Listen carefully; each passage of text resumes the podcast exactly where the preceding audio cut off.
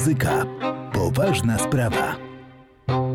Dzień dobry. W kolejnej audycji z cyklu Muzyka Poważna Sprawa kłania się Państwu Krzysztof Szatrawski. I od razu na wstępie przyznam się do swojej osobistej i głębokiej miłości do form koncertujących. Koncert będący w swej istocie konkursem pomiędzy solistą, czasami dwojgiem solistów albo nawet grupą solistów, a orkiestrą, sam przez się w swoim założeniu niejako zawiera potężny konflikt, a zarazem obietnicę muzycznych igrzysk. Czy rzeczywiście tak jest, spróbujemy się dzisiaj przekonać. Niestety nie będę mógł prezentować koncertów w całości, gdyż w takim razie niewiele przykładów mogłoby się zmieścić w godzinnym programie. Zatem będę prezentował wyrwane z kontekstu części, ale nie będę w tym osamotniony, ani tym bardziej pierwszy. Czas, nie tylko antenowy, ale coraz bardziej kurczący się czas każdego z nas, jest powodem, że coraz więcej osób odmawia słuchania utworów trwających powyżej trzech minut. Chciałoby się zawołać o tempora omores, ale nie. Spróbujmy przekonać nieprzekonanych, że warto słuchać także utworów dłuższych, zwłaszcza jeśli są to utwory wieloczęściowe. Podobnie jak warto czytać grubsze książki albo oglądać dłuższe filmy. Pewne doznania wymagają dojrzałości, a ta potrzebuje czasu.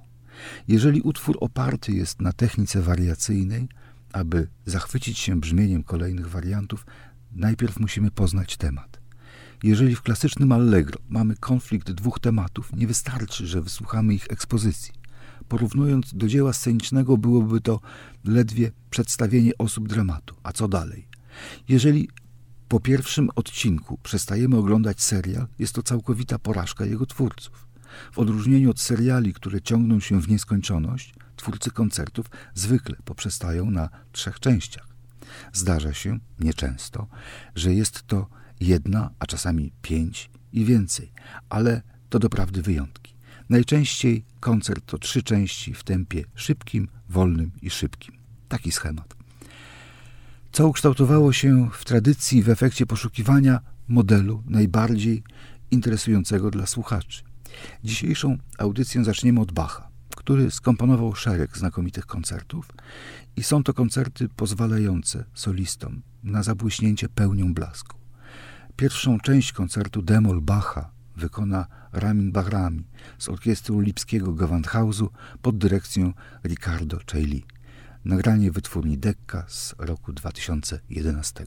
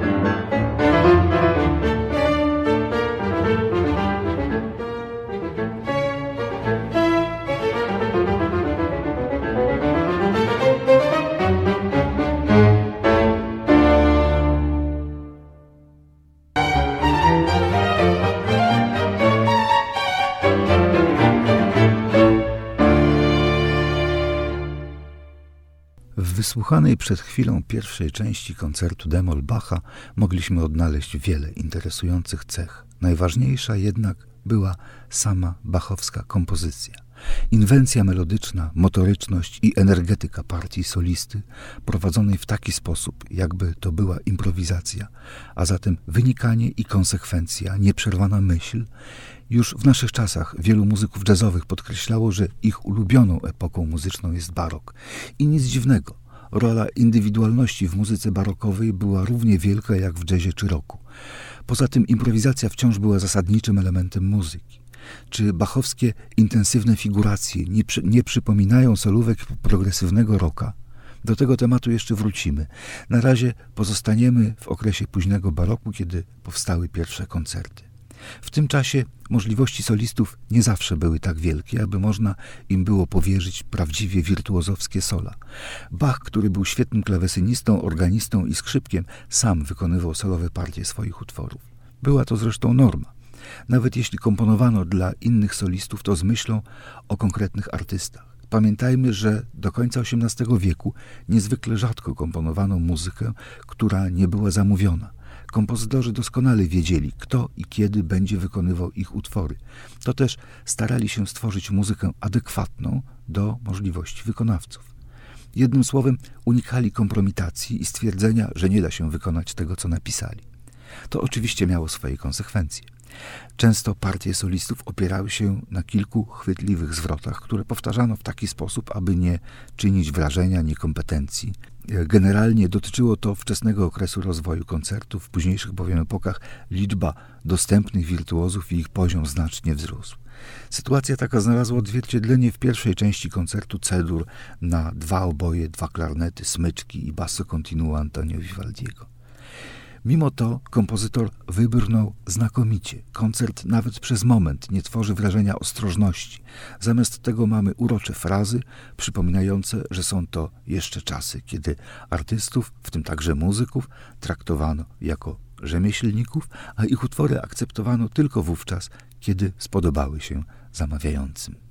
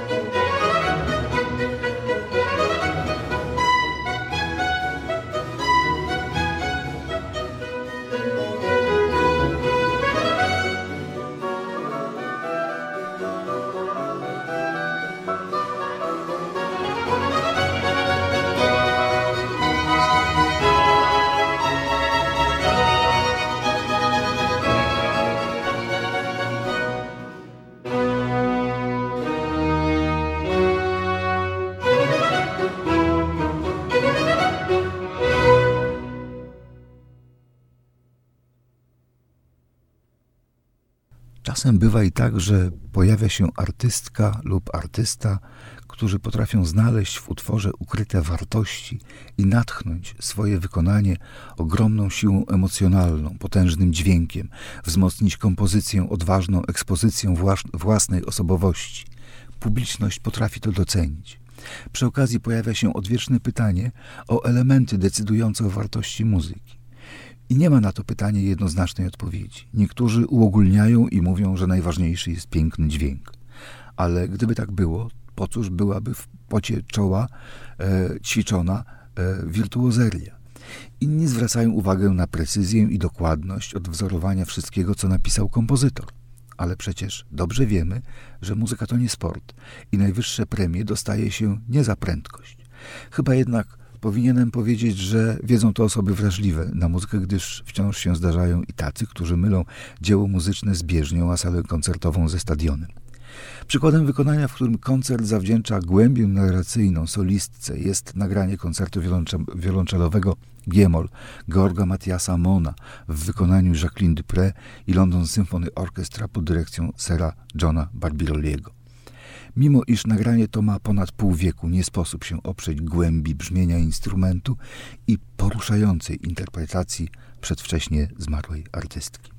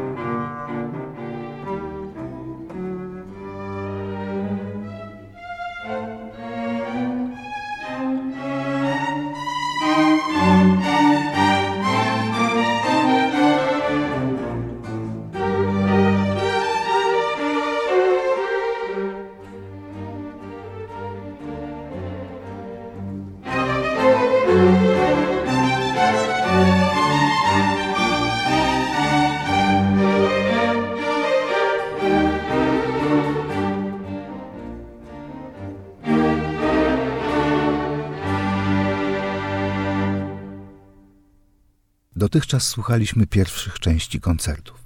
W okresie baroku nie były one jeszcze specjalnie rozwinięte. Opierały się na jednym temacie i wariacyjnym opracowaniu.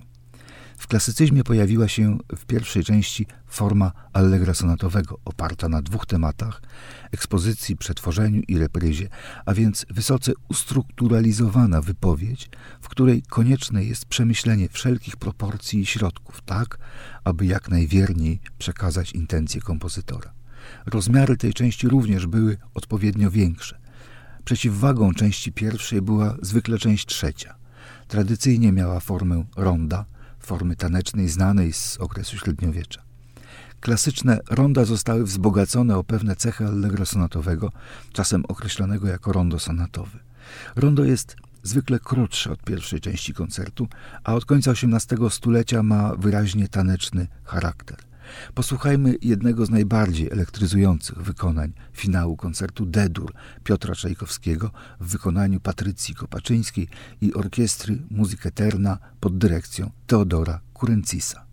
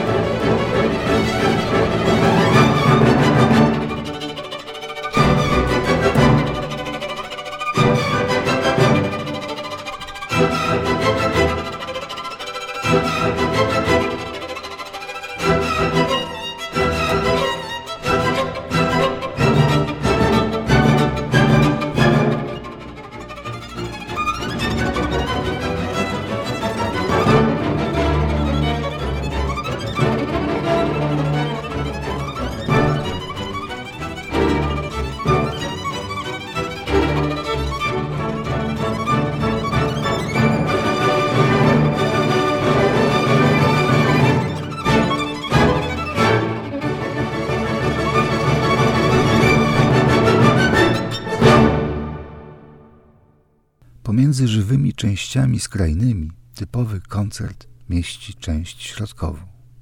W zależności od epoki pełniła ona różne funkcje. Początkowo była momentem uspokojenia, zatrzymania, kontrastu, który uwypuklał wigor części skrajnych. W okresie klasycyzmu i we wczesnym romantyzmie większość koncertów wyznaczała części środkowej funkcję romancy. Część ta opowiadała o miłości, kompozytorzy malowali portrety osób, ku którym kierowali swoje westchnienia. W najgenialniejszych kompozycjach części środkowych można odnaleźć symboliczne przedstawienia postaci i gestów. U Mozarta często rolę ukochanej odgrywała partia solowa, na przykład fortepian, a orkiestra trzymająca frazy solowe w silnych objęciach była odzwierciedleniem pozycji męskiej. Powiązanie takie zostało pięknie wydobyte w szeregu współczesnych choreografii, że wspomnę fenomenalny balet Lepac e, Angelena Prelżokarza, e, realizacja dla baletu Paryskiej Opery Narodowej, w którym każde z czterech pas to środkowa część jednego z mozartowskich koncertów. Posłuchajmy jednego z piękniejszych przykładów takiego miłosnego uścisku. Będzie to Allegro z 23 koncertu Adur Mozarta. Środkowa część, utrzymana w metrum 6 ósmych, napisana jest w pokrewnej tonacji fismol. To częste rozwiązanie w klasycznej formie koncertu.